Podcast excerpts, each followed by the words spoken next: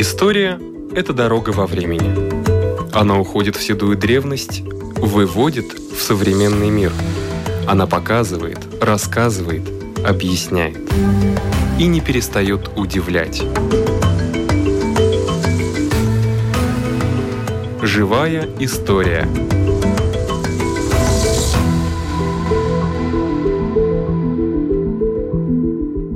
У микрофона Лидия Чера.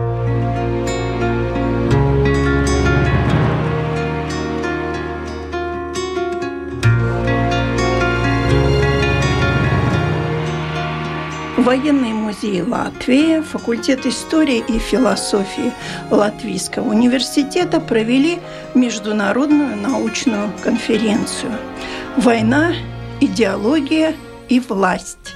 Экспансия России в Европу в историческом контексте».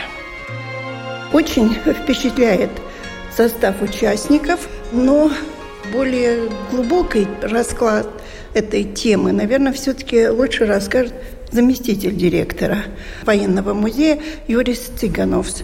Почему сейчас такая конференция? Конечно, мир сейчас переживает большие перемены, а именно после 24 февраля 2022 года мы живем, ну, можно сказать, в другом мире – это, конечно, связано с агрессией России против независимой Украины. И то, что эти действия происходят здесь, в нашем регионе, практически недалеко от наших границ. Это затрагивает всех нас и затрагивает чисто физически, хотя бы посмотря на наши счета за электричество, за газ. Это прямое влияние вот этой российской агрессии в Украине. Мы хотели повестить миру о том, что то, что произошло в Украине 24 февраля, это не сиюминутная прихоть российской элиты, а то, что агрессивный вектор в внешней политике России присутствовал всегда, ну, начиная даже с средневековых времен, со времен э, Ивана Грозного, Петра I, Российской империи, Советский Союз и Российская Федерация – это звенья одной цепочки, если можно так сказать, исторической цепочки.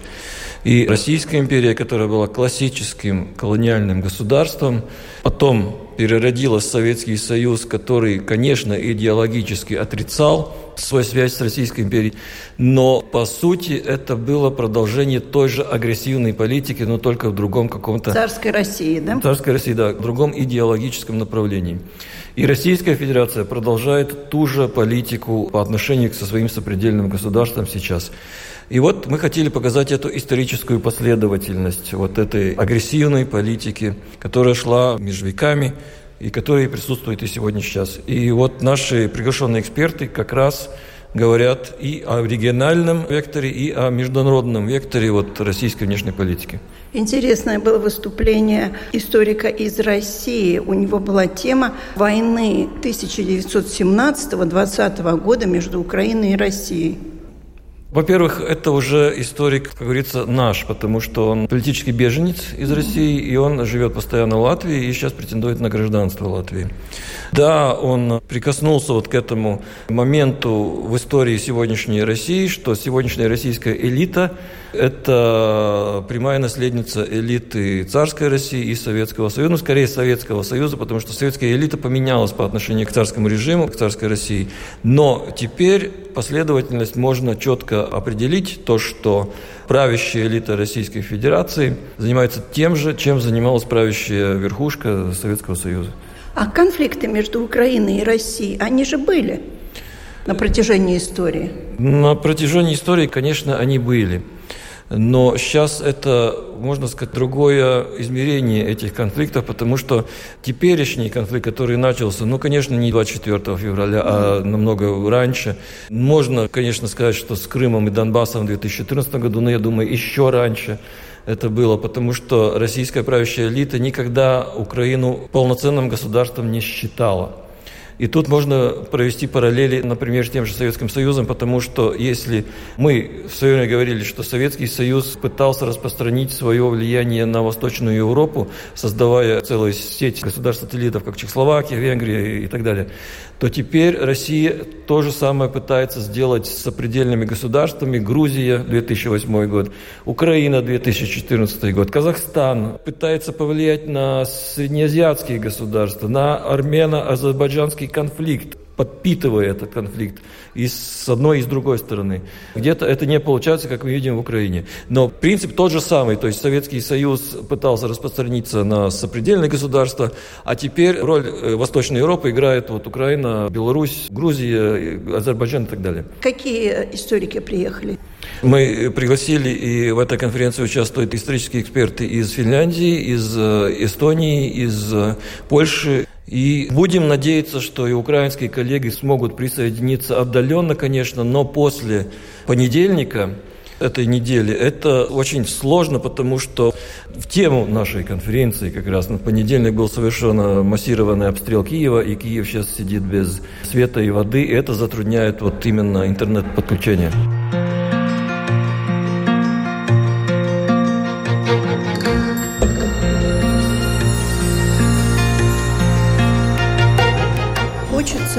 Поговорить именно в историческом аспекте. Есть ли какие-то примеры того, что Россия всегда как бы конфликтовала с Украиной. Я имею в виду не этот год, не февраль 24 числа и не 14 год, а вот вы как историк, Дмитрий Саввин, вы публицист, бывший москвич – Петербуржец, да, это вообще-то я урожденный забайкалец, я родился, вырос в Чите, в Забайкалье. Как историк, вы все-таки наверное, изучали историю своей родины и историю Украины. Вот какие отношения были на протяжении всей исторической линии между этими странами? А, если вы хотите говорить именно с точки зрения исторической науки, нам придется уже разбираться в некоторых принципиально важных вопросах.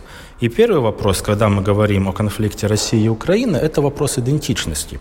Потому что современное понимание национальной идентичности и отчасти этнической, это в сущности во многом во многом, хотя и не во всем, продукт нового времени. И мы должны очень ясно осознавать, что, например, средневековый человек все эти вещи часто видел совсем под другим углом. Потому что для средневековья определяющей была, естественно, религиозная идентичность. Сегодня мы смотрим на карту, например, Средней Азии. Я специально беру такие примеры, чтобы для начала в этих вещах как-то определиться уйти от острой политической повестки. Вот смотрите, сегодня мы смотрим, например, на карту Средней Азии, как раньше говорили, бывшей советской Средней Азии. Мы там видим Таджикистан, Узбекистан и так далее. И возникают разные вопросы. А когда там узбеки враждовали с таджиками, какие у них были отношения? Но понимаете, еще где-нибудь 120 лет назад для людей в этих местах понятие узбек и таджик значили не очень много. А гораздо больше значило, например, мусульманин из Бухары да. или мусульманин из Хивы. Или православный главный узбек. Да, и если мы сейчас возвращаемся к вопросу о сегодняшних наших бедах, если мы говорим о сегодняшней, безусловно, агрессии, которую осуществляет Российская Федерация против Украины, то мы должны тоже понимать, что, конечно же, мы не можем экстраполировать сегодняшние реалии просто так механически на всю прошлую историю. И, разумеется, всегда можно выделить какие-то оси, вокруг которых образовывались те или иные государства. Например, когда мы говорим о средневековом периоде, то здесь совершенно четко видна ось, которая определяется торговым путем из варяга в греки, от Балтии до Черного моря. Причем это путь исторически сформировавшийся еще во времена античности даже немножко ранее, так называемый янтарный путь, известный древним римлянам, от Балтии до Средиземноморского региона или Черноморского региона. Вот естественная ось, в пределах которой, благодаря как предполагается, достаточно обоснованно. Я здесь не берусь что-то однозначно утверждать, потому что все-таки это не совсем мой предмет изучения истории. Но вот вокруг этой оси формировалось уже вот то, что называлось русским государством, когда варяги, по всей видимости норманы, стали создавать государственное образование из этих славянских племен вокруг этой оси. И когда мы сегодня говорим понятие там Киевская Русь, Московская Русь, Владимирская, мы должны также отдавать себе отчет, что все эти понятия родились в кабинетах историков уже в XIX веке. Естественно. Никто не говорил в XIV столетии Киевская Русь такая. С другой стороны, мы не можем также отрицать и того факта, что да, была такая экономическая, транспортная ось вокруг, формировалось какое-то протогосударственное образование, но были и другие важные факторы, которые объективно способствовали разделению этого пространства. Во-первых, естественно, славянские племена, они не были абсолютно однородны. И, например, исторически это было так, на что обращает внимание Карташов, что уже с 9 до 11 века мы видим противостояние, например, по религиозной линии очень внятное, потому что Великий Новгород, там всегда была сильна языческая оппозиция. Когда там скидывали идолов, там было народное возмущение. Крупные языческие восстания мы фиксируем там, например, в XI столетии. В то время как Киев был уже мощным христианским центром во времена язычников Игоря или Святослава. И в этом смысле уже тогда мы можем наблюдать определенный антагонизм между этими центрами. Если мы начинаем серьезный научный разговор, то его нельзя переносить вот так буквально на сегодняшние реалии. Но с другой стороны, нельзя также вот этими историческими различиями пытаться сегодня или какими-то отдельными нюансами оправдывать войну или оправдывать агрессию под флагом, что один народ и так далее. Мы видим, что, конечно же, это не так, безусловно. А мы видим, что путинская пропаганда ярчайше провалилась, ожидая, что, как они говорили, украинцев якобы не существует, страна, как они выражались, 404. И вот сегодня мы видим, как якобы несуществующий народ и якобы несуществующая страна себя героически защищала. Значит, все-таки они существуют. Ну, логично предположить. И за что тогда проливается кровь? Тоже возникает вопрос. В этом смысле, с моей точки зрения, ближе всех к истине в свое время – в своих работах подошел Александр Исаевич Солженицын, который еще в конце 80-х, начале 90-х годов писал, что взаимоотношения с украинцами для русских людей очень болезненный вопрос. И нам трудно в некоторых деталях истории друг друга правильно понять. И лучшее, что мы, русские, можем сделать, это на какое-то время оставить украинцев, наконец, в покое и дать им возможность определиться самим. Мне бы очень хотелось, чтобы сегодняшняя дискуссия носила только академический характер. Мне, может быть, хотелось бы поговорить сегодня и о так называемом русском или русофильском движении на Львовщине в начале 20 века, о том специфическом русском языке, помимо украинского, который там образовался. Но сегодня, к сожалению, благодаря преступной деятельности режима, захватившего и терзающего мою родную страну, а теперь терзающего еще и Украину, мы так или иначе вынуждены на все эти исторические дискуссии накладывать перекрестие прицела. И остается надеяться, что усилиями совместными сможем все-таки мы остановить это зло, остановить его силой, безусловно, что путинский режим будет наконец повержен, и мы сможем тогда, когда-нибудь, может быть, даже в этого времени, говорить и дискутировать о вопросах истории, конечно, без этого перекрестия прицела. Но я понимаю также и то, что, разумеется, история – это наука – и мы, конечно же, не должны здесь идти путем коммунистической партии Советского Союза, которая приравнивала ее к пропаганде. Ученый, как историк, пропагандистом быть не может, иначе он не историк. Ну да. И 50 лет для истории – это еще не история. Это еще публицистика, как говорят. Так что нам еще предстоит прожить 50 лет, чтобы оценить то, что происходит сейчас. Вы начали издалека – Пройдем семимильными шагами и вернемся к 20 веку. 20 век, начало, сразу после Первой мировой войны. Разве не было конфликтов между Россией и Украиной? 17-й год, 20-й. Ну, разумеется, были, и в этих конфликтах можно видеть несколько уровней. Во-первых, конечно же, вскоре после отречения императора образуется Украинская Центральная Рада, которая провозглашает сначала широкую автономию. Это были ее первые универсалы. Но одновременно с этим начинает нарастать и вот э, мощь большевистской партии. А Украина, по большому счету, пережила два этапа в своем государственном развитии до того, как она была захвачена большевиками. Это период условно левой демократии, Украинская Народная Республика, и это Украинская держава или Гетманат Скоропадского. Причем впоследствии в украинской диаспоре противоречия между вот этими течениями сохранялись и были довольно жесткими. И опять же, Украинская Советская Социалистическая Республика, когда ее создали большевики, она первоначально пускай номинально, но тем не менее, выступала как независимое государство. И этот ее статус был, например, зафиксирован на секундочку в Рижском мире, где прямо указывалось, что, следуя принципу самоопределения народов, признается независимость Украины. Но просто мы знаем, что для коммунистической власти все это было периодом передышки. Вот то, о чем я сегодня говорю в докладе, что еще в декларации об основании Союза СССР было очень четко прописано – что целью является создание Всемирной Республики Советов.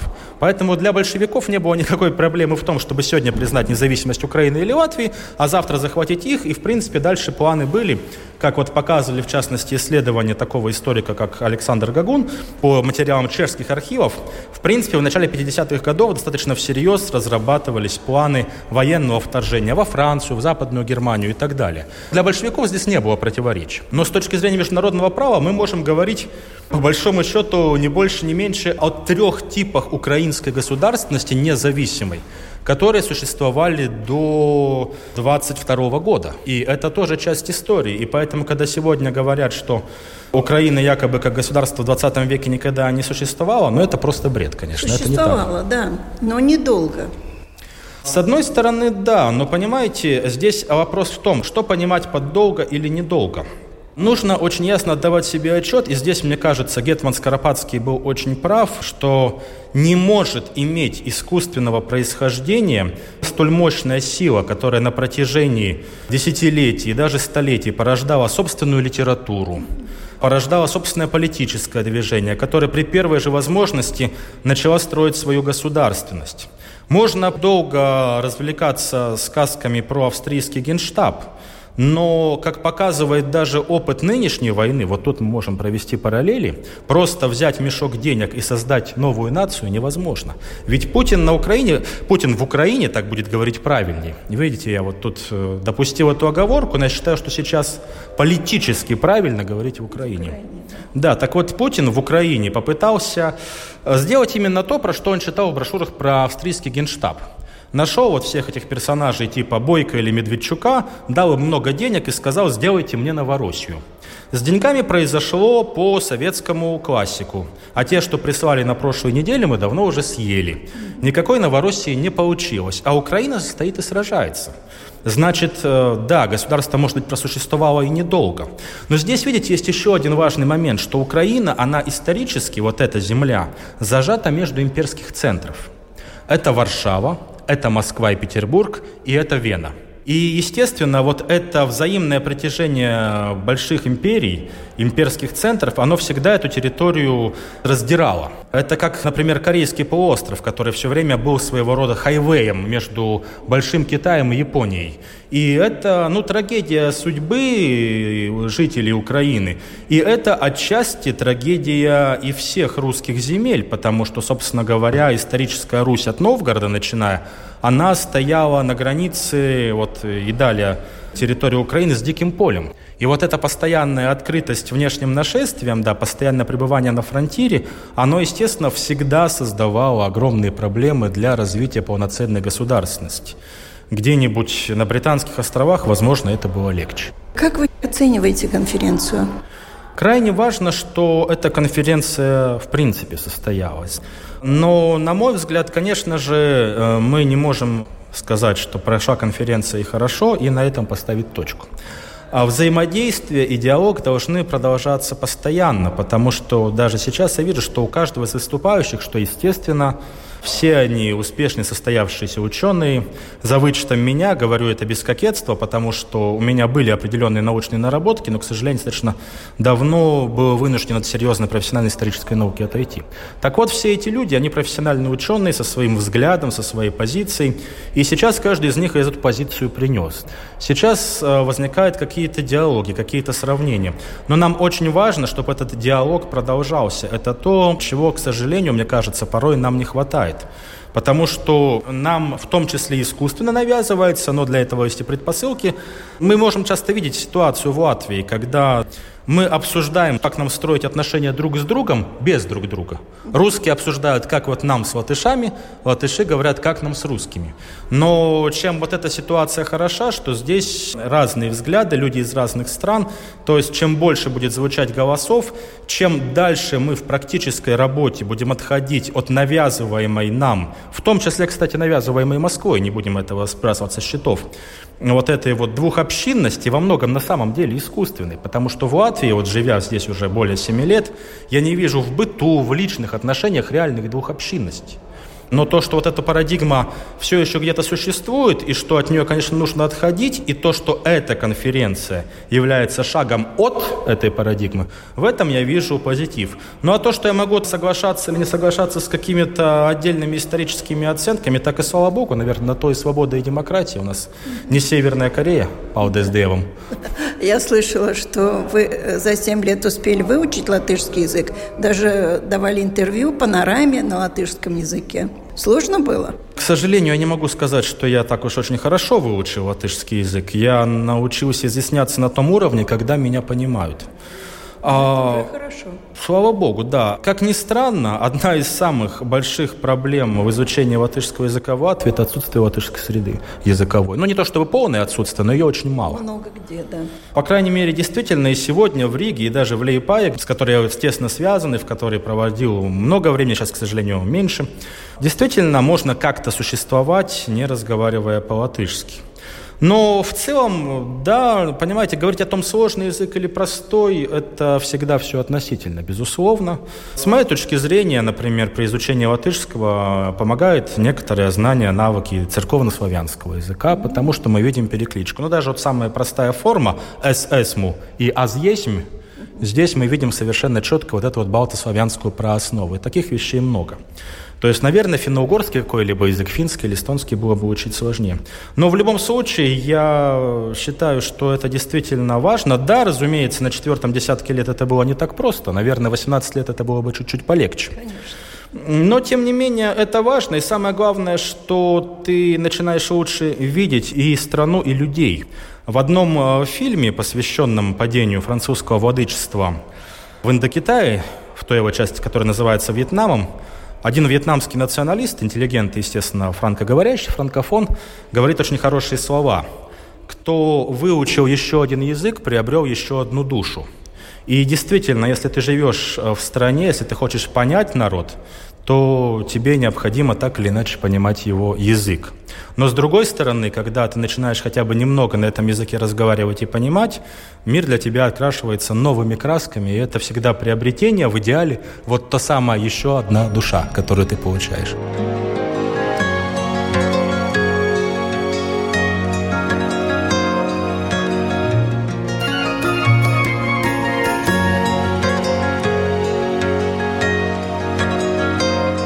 И в завершении нашей программы используем сюжет, звучащий ранее, но связанный с событиями почти столетней давности.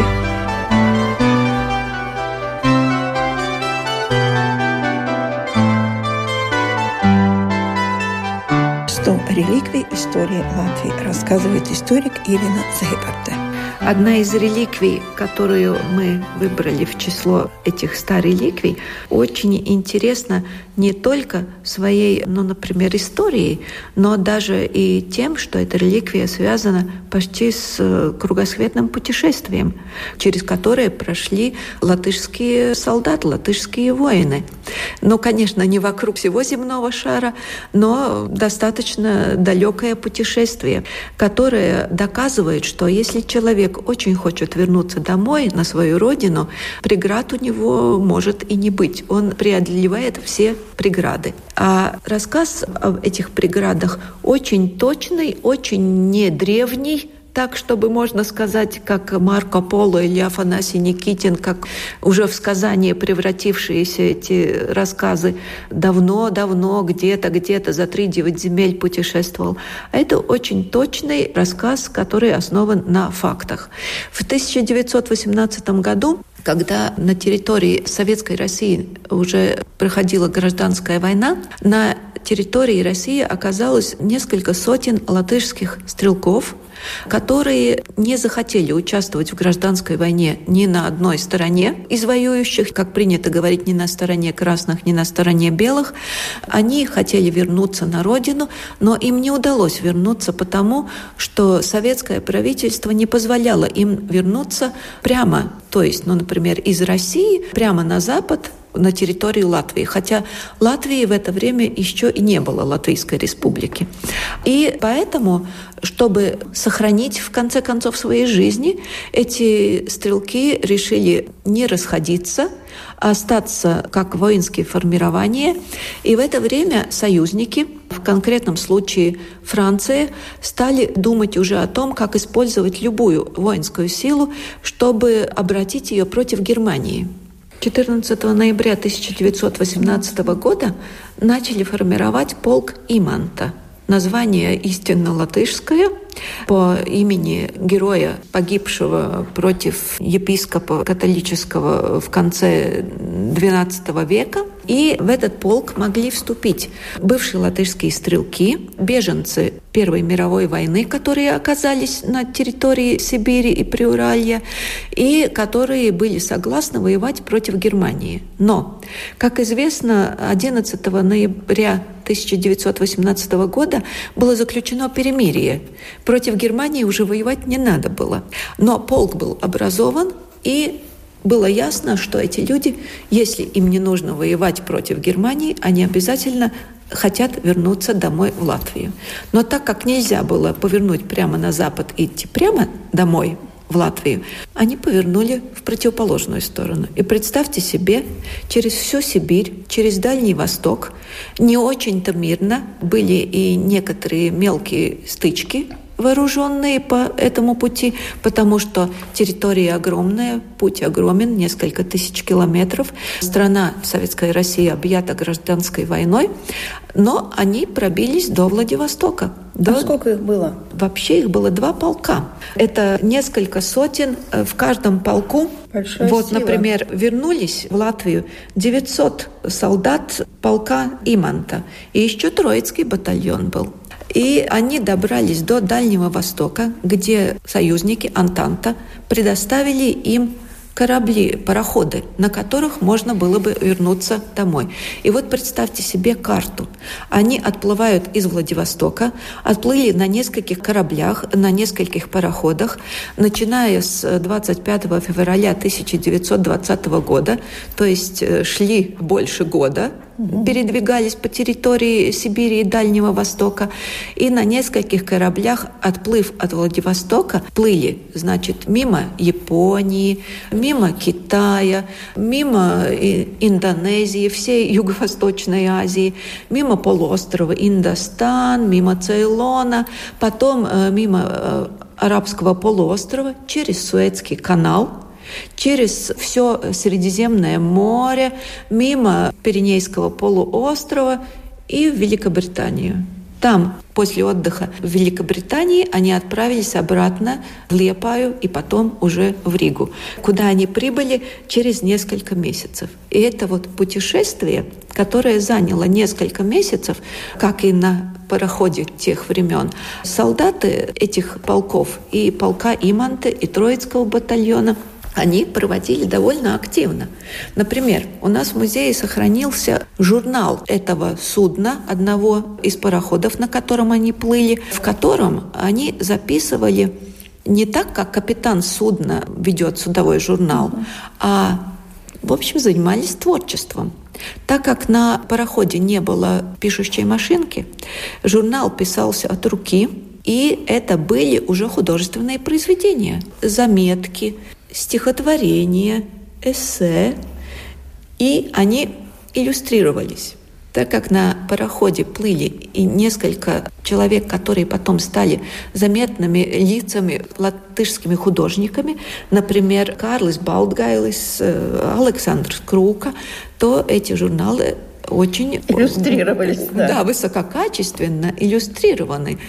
Сохранились, в общем, шесть выпусков этого журнала. Журнал назывался «Кайя», «Чайка».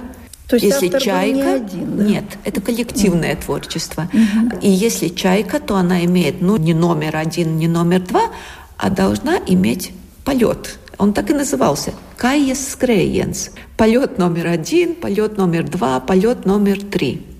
И сохранилось, дошло до нас и несколько дневников этих э, воинов, которые вот э, совершали путешествия. Но самое для нас интересное, и я думаю, самое такое эмоциональное, которое перешло к нам, работникам музея, от этих воинов, которые возвращались на родину, это несколько десятков экзотических предметов. То есть на пароходе стрелки и плывшие частные лица на этих пароходах, они образовали некоторую такую общую кассу, в которую каждый сколько мог в складчину сложились немного денег. Как они тратили эти деньги? Про все я точно сказать не могу, но одну часть в каждом порту, в который заходил пароход для того, чтобы ну, уголь загрузить, просто припасы загрузить и так далее, солдаты сходили на берег и покупали вещи, которые были сделаны местными ремесленниками и которые характеризовали местный быт. Например, как жили люди и что изготавливали в Цейлоне, в Сингапуре. Покупали эти вещи. Но Потом на музей против тянет. квитанции именно на музей. Потом они получали из этой общей кассы квитанцию, на которой так и написано для передачи в Латышский музей. Они еще не видели Республику Латвии, они в ней никогда не были. Они только думали, что они возвращаются, что хотят возвратиться домой. Они только знали, подозревали о том, что тут есть музей, и им казалось нужным из своих маленьких-маленьких, немногих бедных денег купить какую-то вещь, чтобы привезти и сдать в музей. И действительно, знаете, привезли, действительно сдали, сдали вещи, сдали эти квитанции, которые являются неопровержимыми документами того, что это так, как я рассказываю, и действительно мы их храним. Мы очень-очень гордимся этими вещами. А реликвия, которая включена в число этой сотни, это нагрудный знак этого полка, полка Иманта, солдаты которого настолько ну, может быть, не героически показали себя на поле боя, но показали себя настолько патриотами, что мы можем ими только-только гордиться. Это мы и делаем. А на этом наша программа заканчивается. Всего вам доброго.